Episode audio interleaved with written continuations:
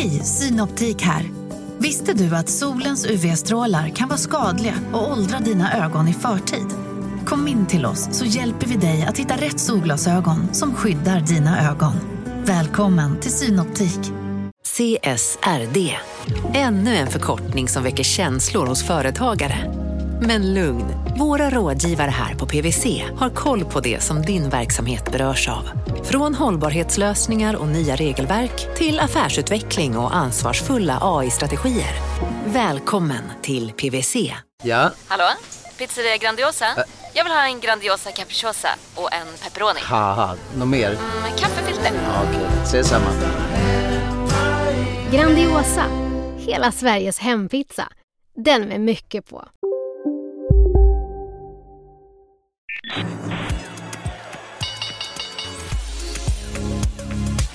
Det här är Affärsvärlden Magasin med Helene Rådstein. Hej och hjärtligt välkomna till podden Affärsvärlden Magasin där vi varje torsdag fördjupar oss i affärsvärldens journalistik. Jag heter Helene Rådstein och jag jobbar på Affärsvärlden. Och nu sitter jag här med Anders Nissen och du är vd för hotellfastighetsbolaget Pandox. Välkommen hit. Tack så mycket. Tack för att jag får komma.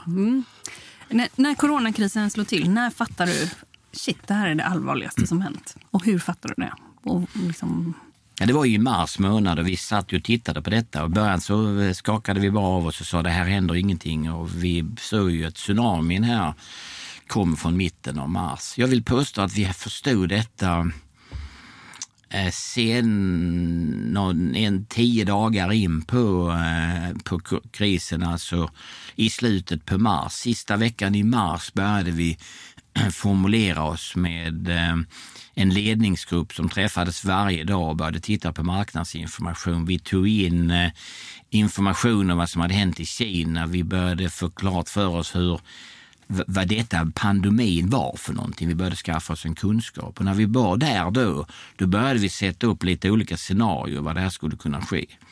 Ingen av scenarierna byggde på 5-25 procents occupancy. Men det var ju sådana som byggde på betydligt under 50. Och redan där så slog vi larm och började tala ut om hotellen och hur det saker skulle kunna ske. Och där har vi ju en fördel mot andra hotellfastighetsägare, nämligen att vi har en egen stor drift. Så vi satt ju mitt i driften. Stor drift ute i Europa som reagerade omgående. Vi började märka hur verksamheterna blev ehm, det bokades av och sådär. Och sen hade vi kanske en smula nytta av att vi har varit i några kriser tidigare. Så vi bestämde oss för ett fåtal prioriteringar och de skulle vi hålla på med. Och då skapade vi en, någonting vi kallar för Respond som sedermera har också, som är att ta hand om den akuta situationen, som sedermera också blivit Restart. Hur tror vi det här ska öka och komma tillbaka? Och nu är vi inne i den tredje delen som vi kallar för Reinvent, som innebär What's next? Och det här jobbar vi idag med eh, eh, varje dag egentligen har vi eh, samtal och uppföljning och samlar information kring de här tre områdena. Där den första delen, Respond, är, har vi kontroll på idag. ja, och vad, vad innebär det? Ja, Att det är kontroll? Ja, det innebär att vi har kontroll på vår likviditet. Hur vi får likviditet genom samtal med kontakter med banker, möten med banker, med våra businesspartners. Vi får in våra minimihyror genom att vi har organiserat om våra underhålls och investeringsprogram och att vi har dragit ner kostnaderna i vår operativa verksamhet till ett minimum. Men vi håller fortfarande med öppet. De här, de här, Och, och, och om vi tar då här kostnaderna, Mm. vad, vad är det ni har gjort där? Eh, För att, Ja, eh, då, ja, det är, alltså, programmen ute i Europa är, var ju mycket snabbare än i Sverige. Så till exempel i Belgien så kunde vi ju redan eh, en och en halv vecka efter att krisen slog till ordentligt så hade vi ju permitterat då eh, 1500 personer i Belgien. Och, eh, och, eh, och det är ett program som, som, som har funnits sedan tidigare så det var väldigt aktivt. Så fort de aktiverade myndigheten att detta var en krissituation så tryckte vi på den knappen och det gjorde vi ju redan under när det var terrorist, en terroristattack där 2015. Så gjorde vi samma sak. Så vi, vi hade ju system och metoder för detta så det gick ju fort. Och därefter så stängde vi verksamheterna och sen veckan efter så sa vi, nej vänta lite grann, vi ska inte stänga, vi ska öppna. Vi måste ha öppet, vi måste, vi måste leva. Och då öppnade vi våra hotell igen och eh, du menar överallt eller Överallt, Ja. på, alla tele, på alla ställen vi kunde, men speciellt den operativa verksamheten. Så, det, det, där blev det, så det, det var ju, där skapade vi en, genom att vi drog ner kostnaderna så mycket och vi ändrade om i våra investeringar, underhållsprogram, så, så vi, hade vi kontroll på de stora kostnadsposterna. Och då sa vi att de stora kostnadsposterna och våra intäkter från våra minimihyror, de var ungefär i paritet med varandra. Det var dit vi ville. Och dit kom vi på ett par veckor.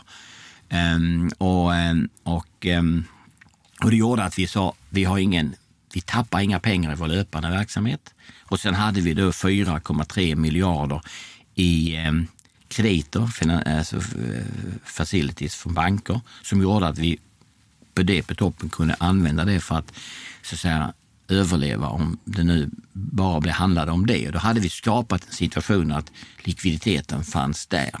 Det var den viktigaste delen. Den koncentrerade vi oss väldigt mycket på i början. Den andra delen var ju då att, eh, ja, den andra delen var ju att få intäkter och löpande kostnader på plats. Den tredje var att göra oss redo för att agera. Om någon av våra samarbetspartner av någon anledning inte kunde ehm, Driva vi- vidare hotellen? Ja, så, var vi, så var vi beredda att ta över. Det gjorde vi i Köpenhamn. Det var ett bolag som hade finansiella problem i före corona. Och nu, nu kunde vi... Två tog- hotell. Två hotell, tog vi över dem. Den fjärde var Stay Live. Alltså, eh, det är ju en sak som eh, präglar Pandox, är ju detta att vi vill inte lägga oss ner och dö. Det är inte våra DNA, utan vi har hotellen öppna, mycket interna möten, mycket samtal med folk, öppna upp. Och den femte delen var ju ett synligt och aktivt ledarskap. Det hänger ihop med Stay Live. Där vi då eh, hela tiden stod till förfogande, vi som jobbar i ledningsgruppen och så gjorde oss, gjorde oss synliga för folk och, och eh, såg till att eh, det, det blev framtidstro och informerade om frågor som hände i företaget och skapade därmed en plattform av ett kontroll på likviditeten, vi är redo att agera, vi förlorar inga pengar och vi behåller vår spirit. Och där är vi idag.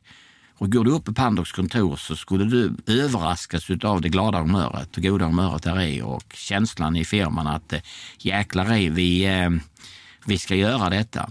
Men det här är ingenting man kan kämpa sig till som man kan göra på en handbollsplan och fightas utan det måste vara bra planer. Och du måste veta vad du gör och du måste ha specifik kompetens för att driva detta. Och en av de kompetenserna det är ju att ha suttit i kriser tidigare. Och en av de egenskaperna som man kanske har nytta av, det är att inte man är så ängslig. Utan man liksom sover gott på natten och man har en plan och man vet man har kontroll. Och sen använder man då den, den energin som man då själv har genom att detta till att få andra människor att må bra. Och känna att nej men vi klarar nog detta. Marknaden sponsras av SPP, pensionsbolaget. Eh, Förra gången pratade vi lite om ITP. Och som en kort repetition så, så var det ju 70-tal, arbetsmarknadens parter bestämde att alla tjänstemän ska ha en tjänstepension. Man kom överens om vilka villkor som ska gälla i den här pensionen och så kallade man den för ITP. Så jobbar man idag som tjänsteman i ett företag med kollektivavtal, då har man förmodligen den här pensionen, ITP-pensionen. Eh, och det är ju så att man kan påverka eh, den här pensionen, hur den är placerad. Vart femte år så gör nämligen Collectum, som de heter, en enorm upphandling där olika pensionsbolag kan ansöka om att få förvalta eh, de här pensionerna. Och SPP är ett av bolagen som valdes ut i den senaste upphandlingen. Och sen kan du som pensionssparare välja eh, vilket av de här olika pensionsbolagen som, som då ska få ta hand om dina pengar. Och tanken med den här upphandlingen det är ju att liksom kvalitetssäkra de här olika alternativen eh, men också att förhandla fram stora rabatter så att pensionsspararna ska få ja, kunna spara pengar genom att avgifterna eh, som är så viktiga eh, blir eh, lägre. Och vill man välja någonting i ITP-systemet då finns det en relativt ny sajt som heter avtalat.se. Ehm, där kan man gå in och se hur sin ITP-pension är placerad. Jag gjorde det häromdagen faktiskt. Ehm, idén är att hälften av pengarna alltid ligger i något som kallas för traditionell försäkring. Det här gjorde vi ett avsnitt om i podden Kapitalet nyligen eh, som vi kallade världens bästa sparform. kan man lyssna på om man är intresserad. Eh, den andra halvan eh, den kan man också lägga i en traditionell försäkring eller så kan man placera det i något som kallas för fondförsäkring. Eh, SPP som sagt eh, var ju ett av de fåtal bolagen som valdes ut i den senaste upphandlingen och de finns med som alternativ både med en traditionell försäkring och med eh, fonder. Så det var en liten bakgrund till ITP-systemet. Vill man läsa mer om det här eller typ kolla hur ITP-pensionen är placerad, eh, kanske göra förändringar, då går man in på avtalat.se. Eh, men tack säger jag till SPP som vill göra oss människor mer medvetna om hur enormt viktig pensionen är för oss som en framtida lön, men också som en positiv kraft i samhället eh, och förstås för att ni möjliggör eh, den här podden Marknaden. Du lyssnar på Affärsvärlden Magasin med Helene Rådstein. Du, du, har talat väldigt mycket eh, tidigare om att vi är diversifierade. Vi finns på så många marknader. Vi är inte längre så tunga i Norden. Men jag har tänkt också så här, varför... Ni har ju ändå bara ett tillgångslag, alltså hotellfastighetsbolag. Du har tidigare pratat om att det är klart man skulle kunna titta på studentbostäder eller liknande framöver. Hur tänker du nu? Nej, alltså diversifiering har vi ingen nytta av idag. Det var ingen, det, I vår strategi gick inte att alla marknader Nej, precis. Jag, jag menar det. Så här, vad, vad, hjälper det nu? Nej, det, det hjälper inte alls. Men är, i alla andra situationer så hjälper ju en diversifiering. Utan har man har, det finns ju två strategier i fastighetsbranschen. Antingen mm. så är du fokuserad på geografi och då kan du ha ett antal olika tillgångslag som du investerar i, bostäder, och kontor och vad det nu är. Mm. Eller också har du fokus på en tillgång och så blir du riktigt bra på det, men då måste du ha en bred geografisk marknad. Och när du har en bred geografisk marknad så ska du också finnas i olika segment i de här olika marknaderna och du ska finnas med olika typer av samarbetspartners så du finns på olika distributionssystem. Den logiken innebär ju att i nio fall av tio så tappar du mindre i en dålig situation än om du har allting fokuserat till en geografisk marknad mm. eller ett segment. Mm. Det gällde inte den här gången. Men så framöver, tänker jag, alltså om, om ni skulle rikta in er på andra, liksom andra ben, andra mm. fastighetsområden, hur tänker du? Eh, liksom, Nej, det kommer vi inte. Pandox kommer inte inrikta Nej. sig på andra fastighetsben. Vi är inte duktiga på fastigheter generellt. Vi är duktiga på hotell. Och det är en väldig skillnad att, att äga en hotellfastighet. För vad du gör, du äger ju en, en, en verksamhet. Man har ju sett tidigare glidningar från där privatpersoner, vi har Airbnb som har gått in liksom i, eh, på, mot hotellmarknaden. Nu har man sett också initiativ där vi ser elithotell, till exempel lång, alltså du kan bo där länge. Man ser också att Six här som har börjat, eh, alltså Petter Stordalens ja. Eh, hotell mm. vid Brunkebergstorg med liksom long stay. Här kan du bo och så. Alltså att eh, hotellbranschen glider lite över mot boendehållet också. Att det har skett en branschglidning. Hur, hur ser du på det och vad tänker du framöver? Jag vet Airbnb, eh, ah, det har du diskuterat tidigare också att det är en ganska stor svart marknad. Alltså du har stört dig på de här reglerna och sådär. Mm. Även om, om, om det kan vara en rolig sak för resenärer så är, har villkoren varit annorlunda. Men den branschglidningen mellan boende och hotell, hur, hur tror du den ser ut framöver? Jag tror den kommer att fortsätta och vi har också gjort sådana initiativ att på hotell så bygger vi hotellrum som har ett bredare utbud. Det kan vara ett kök, det kan vara en tvättmaskin och liknande saker. Eller man gör en våning och sen har man på våningen en, en, en, en plats där folk kan käka. Folk som bor under långa perioder kanske går ut och äter, man äter tillsammans, man kanske går ut och tar en kaffe. Och, och det finns liksom en extra service till de här personerna i form av, som jag sa, tvätt och mat som man kan få in. Så den, att den glidningen och att folk kommer att få ett annat, den kommer, den kommer säkert bara öka. Ehm, det har ju varit ehm, speciella bolag som har sysslat med detta, som har hållit på med extended stays verksamhet och speciella hotell. De kommer nog närma sig varandra mer efter detta, det tror jag alldeles säkert. Sen när det kommer till Airbnb så är det för mig ett fullkomligt förbluffande att myndigheterna i Stockholm inte tar mer tag i detta. Det är ju en gigantisk svart marknad, oetisk så det knakar om det. Och min kritik till detta tar sig inte sista gränsen. För det är ju så att när du tittar på eh, eh de här människorna som har på detta så betalar de ingen skatt. Nej. De, eh, de, de driver en business där de hoppar in och ut i en verksamhet. Och om jag ställer mig och ska sälja hamburgare på Djurgårdsbron så behöver jag ju en myndighetstillstånd så att jag har liksom en vettig verksamhet och jag har hygien och jag, jag, jag tar betalt på ett vettigt sätt och att inte det finns några, några barnarbete och liknande. Det är ju helt Airbnb utnyttjar ju alla system.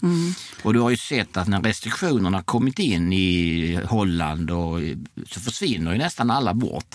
För ingen människa vill ju ehm, eh, betala skatt. De gör ju detta för att de ska driva in eh, tycks intäkter på den andra sidan. Kommer det in bolag som sysslar med detta med vanliga regler så har jag inga problem med det. Nej.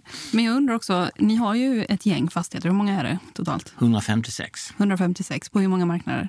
Vi är, på 90, vi är 15 länder och 90 städer. Det är ungefär 35 000 rum. Mm. Hur mycket? På morgonen så är det ju så här, du vaknar vid fem ungefär. Ja, det är väl senast ja. Ja, senast. Ja.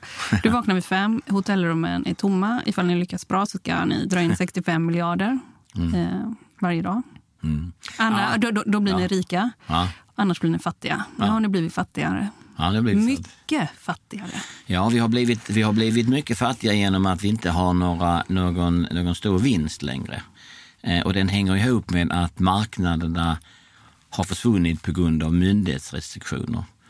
Eh, men när marknaderna, när aktivitetsnivån ökar så kommer ju också intäkterna att öka i Pandox. Sen är det frågan hur långt och snabbt det går. Men jag är beredd att, sats, jag är beredd att slå vad med ganska mycket pengar. Eh, säkert fem kronor eller 500 kronor med dig. Att du kommer att se, du kommer att bli överraskad av hur snabbt tillväxten kommer att se ut när du väl restriktionerna försvinner. Det räcker inte att samhället öppnar upp. Utan du måste också få bort restriktionerna. Men när det kommer att ske så kommer folk att börja resa igen. Jag känner ingen av mina gamla kompisar som säger att nej, jag ska fortsätta stanna hemma. Utan de flesta ligger nog i startblocken för att göra saker både privat och i affärer. Du lyssnar på Affärsvärlden Magasin med Helene Rådstein. Ni har omsättningsbaserade avtal bara. Er största hyresgäst är Scandic som har krisat enormt kan man säga under den här tiden. Hur orolig har, har du varit för Scandic? Jag tycker Scandic har gjort detta ganska bra. Ehm, första Scandic, när detta hände, så fick man snabbt händerna runt problemet. Man började förhandla med fastighetsägarna. Jag tror vi var en av de första.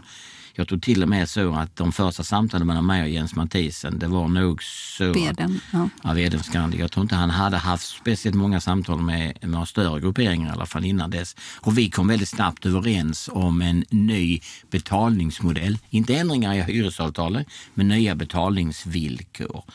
Som var, hur, hur är de nya? Ja, som innebär att han får betala i efterhand. Istället för att betala i förskott på fjolårets resultat så betalar han, eller fjolårets utfall, så betalar man i efterskott på verkligt och så stämmer man av minimihyrorna på lite olika strukturer och sådär. Så att det kunde funka, fanns likviditet. Vi har inte ändrat någonting i några i hyresavtal utan betalningsvillkor. Men det ska vi ha honom en, en styrka att kunna gå vidare. Och då gjorde han ju det och därmed kunde han säkert komma överens om, med andra fastighetsägare. Det var många som ringde till mig och frågade liksom, hur gör ni? Ja, vi gör så här. Okej, ja, men det verkar ju make sense. Vilka är det? KLP?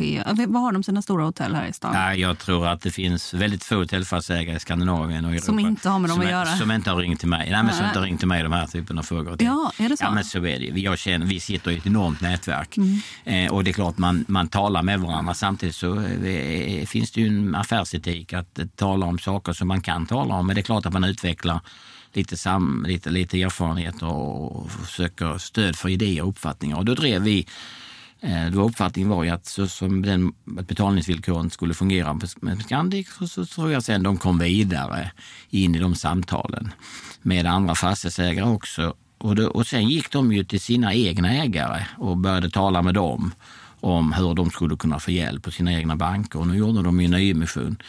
Nu tror jag man har skaffat sig en, en, en ganska hyfsad plattform för att leva ett, ett, bra liv under i alla fall till årets slut eller kanske början på nästa år. Jag vet inte exakt hur länge det räcker. Ja, Det är bra gjort. Ni, ni har tagit över två hotell i Köpenhamn. Planerar du, liksom, tänker du så här, det här är ett läge för oss att vi, vi kan göra lite nya affärer på sikt? Du säger att kriser har varit bra för er. Vad tänker du att ni kan göra nu då? Vår, vår, vår ambition är att våra samarbetspartners ska vi tillsammans med och vi ska ut på den andra sidan och fortsätta göra affärer med varandra. I fallet när vi tog över de här två första hotellen i Köpenhamn så hade de inga resurser alls och det fanns eh, inga pengar över till leverantörer och liknande. Så hotellens värde hotades och då måste vi gå in. Och det gjorde vi. Tog över de två verksamheterna och nu driver vi dem själva. Vi, det är ju en vanlig del av Pandox liv att kunna um, driva hotell. Det gör vi ju varje dag, så det är inget konstigt med Fast det. jag har också hört att visst, det kan, Pandox kan driva hotell, men de är inte så bra på att driva hotell som till exempel Scandic eller Nordic Choice. Alltså, så professionella är ni inte på att driva hotell ändå?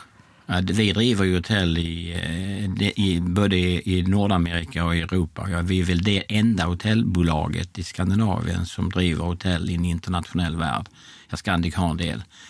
Och vi driver hotell med eh, eh, varumärken vi skapar själv. Vi driver hotell ihop med Hilton och Intercontinental med stora varumärken ute i världen som ser rätt mycket mer konkurrensutsatt ut vad den är i Sverige. I en värld där fackföreningar spelar en mycket aktivare roll långt ifrån hemma. Jag är beredd att ta den utmaningen om att vår, vår, vår, vår driftskompetens. Sen är det naturligtvis så att bolag som har, som har, stor, som har skalfördelar kan naturligtvis utnyttja det. Och det har ju inte vi. Vi har inga skalfördelar. Vi driver ett hotell i, i London och något liknande. Va? Men, men när det gäller i övrigt att leva och verka i världen med distribution och varumärken, det är vi det enda bolaget som gör. Va? Så jag vet inte vad man jämför med då. Ja, om vi ser på Revpar, intäkt per till... Revenue per available room. Ja, precis. Det har ju gått ner hur mycket som helst. Hur Ja, mycket? mycket som helst. Ja, framförallt i Köpenhamn. Ja, det har gått lika mycket. Ja, det har gått ner för det har kommit ny kap- kapacitet dessutom. Ja. Men- och, och det är på gång också, en massa ny Ja, eh, kapacitet. Det är det, men det, det, Revpar har ju gått ner eh, överallt och det beror också på hur mycket hotell som är stängda.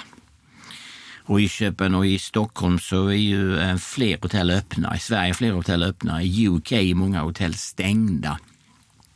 I vissa städer i Tyskland så har myndigheter stängt hotell. Och de är också då följaktligen stängda och därmed så påverkar det ju så Revpar, om allting är öppet så är ju Revpar samma sak som den totala efterfrågan de hotellen som nu har i Occupants eller Revpar nu, de, de, det, i den verkliga är kanske det lite sämre eftersom inte alla hotellen är öppna. Men det kommer snabbt att ändra sig det där. Va? Ja, så den har ju gått ner mycket. Och det är ju den vi har våra hyror på. Alltså, vi, vi, när vi pratar mycket så är det ju över 50 procent. Och jag tror i Köpenhamn 72 procent till exempel. Och eh, jag tror också i Italien, alltså sådär, i Rom tror jag 86 procent. Som, som, som Revpar har gått ner ja. Ja. Ja, ja, oh, ja, du har gått ner ju i, du har ju Milano, är du 90 procent, du drygt 90 procents be, beläggning gått ner. Och där är ju nästan alla hotell stängda. Eh, och när du kommer till marknader i Sverige så är beläggningarna eh, Alltså mellan, mellan 10 och 20, 22. Eh, Det finns ju vissa hotell som ligger på 25-30 procents beläggning. Man har grupper. Det har vi även i vår grupp. Hotell som på olika sätt har grupper då, som eh, militären eller något annat som utnyttjar hotellen under dessa perioder. Annars är ju, annars är ju eh, intäkterna så är ju beläggningsgraderna nere. Nu talar du om Revpar, då har man lagt till priset. Ja, ja, precis. Och det går hand i hand. Ja, det, priset har ju varit det går, ungefär samma. Priset har ju varit rimligt stabilt under den här nedgången. Men Occupancy har gått ner. Eh, varför äger inte du mera av Pandox? Ja, eh, ja, det beror helt enkelt på att inte jag har haft det eh, privata kapitalet och att jag kanske inte heller har varit så ivrig i min person att detta inte, har inte varit min livsuppgift att bli stor ägare i Pandox. Däremot att ha inflytande i bolaget och att eh, jobba i bolaget och utveckla bolaget. Det ser jag som ett kanske nästan som en, en av, eh, en, om inte en livsuppgift så en väldigt viktig uppgift. Men är inte till exempel konkurrenten Erik Selin, inte han större ägare än vad du är i Pandox? Han är, nej det är han inte. Det är han inte. Det tror jag inte han är. Men han är nog mycket duktig. Inte långt ifrån. Nej, det tror jag inte. Han är nog mycket duktigare än vad jag är också på att skapa privat förmögenhet. Jag har gjort, eh, eller vi i Pandox Ja. har gjort många människor rika. Ja. Eh, Och det, Hur känns det? det känns fint. Ja. Det känns fint. ja, men du själv har också blivit... Nu har du kanske förlorat 100 miljoner i värde på börsen senaste tiden. Eller? I. Ja, det kanske det är någonstans. Lite, det är väl lite mer än det, men kanske. Men, men alltså eh, uppriktigt sagt så jag har inte, jag har inte sålt någonting. Och jag, jag, jag vaknar inte, när jag vaknar på morgonen så tänker inte jag på värdet på mina aktier. Utan jag, jag går väl snarare igenom hur det är mina, mina barn och, och min fantastiska hustru och våra vänner och livet ser ut. Och jag har ett engagemang i idrott och andra saker som driver den frågan före mig. Och det är lätt att säga när man har den, för jag håller ju nöden rimligt från dörren så jag har, inte, jag har inga akuta Ja, problem. det, jo, det förstår jag. Vad, vad har du? du får 6-7 miljoner om året eller något sånt där? För- Ja, det är väl lite till kanske till och med. Ja. Hur mycket är det då? Ja, vad tjänade jag i fjol? Det var väl en 10-12 eller... Ja, men då, ja. då, då tar jag om det. Ja. Du, men för du tjänar 10-12 miljoner om året ungefär? Ja, det är väl något sånt med bonus säger jag. Ja, ja. Har vi belöningsprogram på det va? Så, då, så, och då hamnar man i... Gånger ett antal år. gånger ett antal år och så utdelning med aktier och liknande och sådär. Och det är klart att alltså, det är därför man förhålla sig till de där frågorna på ett, det är väl lite var man kommer ifrån kanske. Jag kommer inte från någon entreprenörsfamilj eller någon bakgrund av eh, personer i min uppväxttid som höll på med att jobba med affärer. Min pappa var militär eh, och mamma hon jobbade på kontor. Ehm, Eh, Och jag var ingen person heller som var så intresserad av skolan. Jag var idrottskille. Jag skulle bli svensk, jag skulle bli landslagsspelare handboll. Det var det det handlade om för min uppväxttid. Och jag har kvar de rötterna väldigt tydligt i mitt liv. Och det är så som det var i Kristianstad. Mina gamla kompisar där har alltid haft ett stort inflytande för mig. Jag har ingen av dem som är rika eller något liknande. Vi är rika på andra saker. Sen jag Fast du är ju rik nu. Ja, jag är rik nu. Sen skulle jag kunna ha liksom ägt f- 500 miljoner till, men jag vet inte vad som skulle ändrats. Om jag ska vara... Det är inget politiskt utspel, men jag förstår inte skillnaden. Om du har 150 eller 200 eller 300 miljoner, om du behöver du då 50 till? Nej, du, det behöver du inte. Eh, och då bara drar du kanske till dig med vanor som, som förändrar din personlighet. Och det skulle jag betrakta som en, en skuld till mina rötter. Och Då skulle det få dras av på mina pengar. Eh, Hur ser kassan ut i Pandox nu? Jo, den är fin. Ja. Vi har ju en väldigt, vi har en stark finansiell ställning. Som jag sa tidigare så har vi ju 4,3 miljarder i, fina, i kreditfaciliteter. Kan ni inte gå in och köpa hotell nu? Eller portföljer eller hela liksom, kedjor i det här läget? Eh, den möjligheten, om, om den möjligheten finns, om den möjligheten... Den möjligheten finns ju. Eh, Inte än. Gör det inte det? Nej, det är för nej, tidigt. nej. Ah, Ja, det, det, om du vill göra dåliga affärer ja, så, så kan du göra, så kan du köpa nu. Aha. För det är, fortfarande, det är fortfarande för tidigt. Om man, om man, när, det är, när man är i kriser så, så måste det krisa ett tag innan den typen av situationer. Det är ingenting vi har ögonen på överhuvudtaget idag. Ehm, vi talar ju om det som jag sa, respond, ta hand om den akuta situationen. Vi talar om restart, det är ju marknaden som vi tror kommer tillbaka. Och nästa är ju den, nästa det som vi kallar för ehm, reinvent, det är ju what's next. Och i what's next så gömmer det sig finns det förvärvsmöjligheter. Vi är inte riktigt där än. Jag tror inte det kommer att finnas eh, förvärvs... Alltså då blir det strukturella affärer, någon som får finansiella problem och bankerna måste agera och då kan det hända saker. Som till exempel med Organ 2009. Då. Men det, det, tar, eh, det tar säkert slutet på året. Du lyssnar på Affärsvärlden Magasin med Helene Rådstein. Eh, marknaden sponsras av Karla. Eh, vi pratar ju en hel del om bilar här- på kontoret. Eh, Karla har ju skapat, skulle jag säga, det som är standarden för hur man idag köper och säljer bilar på nätet. Kort bakgrund bara. Karla säljer och leasar begagnade elbilar och laddhybrider på karla.se. Alltså en helt digital upplevelse. Och man har gjort det här med ett nästan maniskt fokus på vad en bilköpare faktiskt behöver.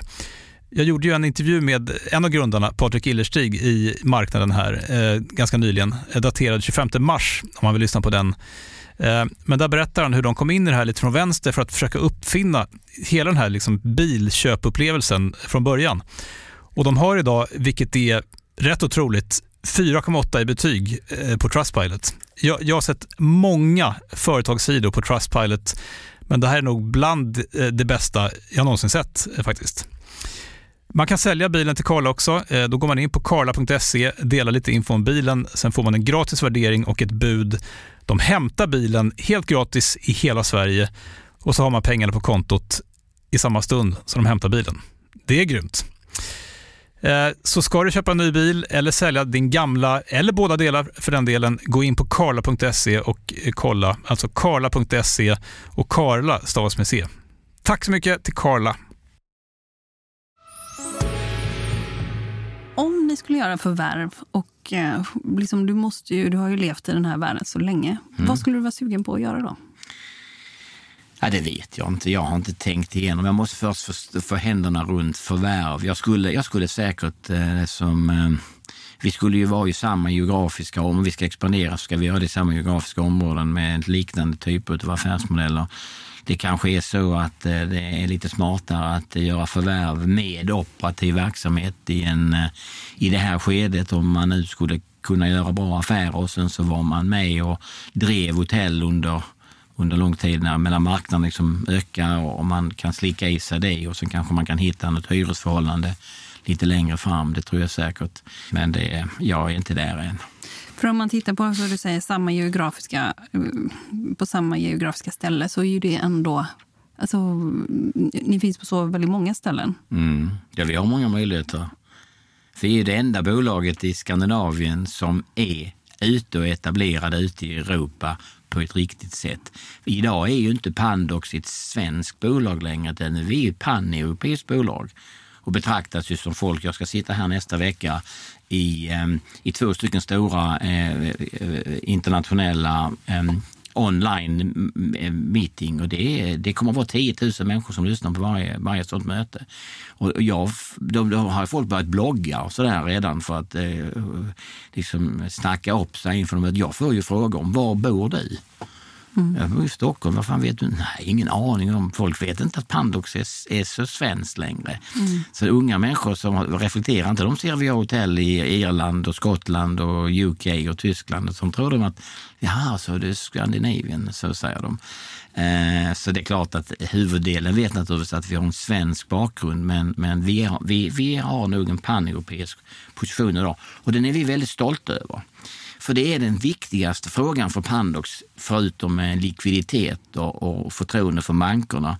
Det är ju det nu att vi sitter ju ute i Europa och har all information. Vi, har, vi jobbar med 25 stora samarbetspartners. Vi jobbar ju i 15 länder, 90 städer. Vi träffar ju på människor i online meeting och, och, och träffar på människor på våra hotell så samlar de information. Och det är ju där ute någonting kommer att hända någon gång. Det kanske inte är i Skandinavien. Eh, kan det vara så att ni sitter och i i praktiken blir det att ni blir en slags, slags bank till era hyresgäster. Och hur ser du på det i så? Ja, nej, det vill vi inte vara. Utan hade vi ändrat våra hyresavtal väsentligt mm. så vi hade sagt att du kan du, du får andra procentsatser eller du kan betala din, du behöver inte betala dina minimihyror eller du kan betala dem om fem år något liknande. För, för, för de går ner nu. Det är, omsättningsbaserat är ju liksom, ju mark, när marknaden viker så Ja, ni, ni delar på vinst och delar på risk. Ja, så är det. Ja. Sen har vi då minimihyror på, på många, de flesta av våra hotell. Ja. Och det är de som nu trätt in. Det är ungefär 500 miljoner per kvartal. 170 miljoner i månaden, 160 mm. miljoner i månaden. Mm. Det är ungefär, är eh, ungefär det vi har som är, eh, som är minimihyror och fasta hyror. Som på olika sätt vi har ärvt, eller vi vill ju normalt sett ha omsättningsbaserat, men vi har ju då minimihyror i, i de här hotellen. Och det är de, de, de hyrorna är ju de som vi eh, menar är våra fasta intäkter och ska vi då göra förändringar i dem så kan vi göra det att folk kan betala dem lite längre fram och i en annan struktur men så att säga intäkterna ska in. Så nu här i dagarna så sitter vi nu och får in hyran för eh, april eller maj beroende på vilken struktur man har med den. Eh, om, och, och då innebär det att, eh, att operatörerna har sin roll. De har fått en förbättrade betalningsvillkor, förbättring sin likviditet. Det tycker vi är okej, okay, men de följer i övrigt hyresavtalen. Om de sen får ytterligare problem med det, då måste de gå till sina banker och sina aktieägare. Där kan inte Pandox bli deras bank.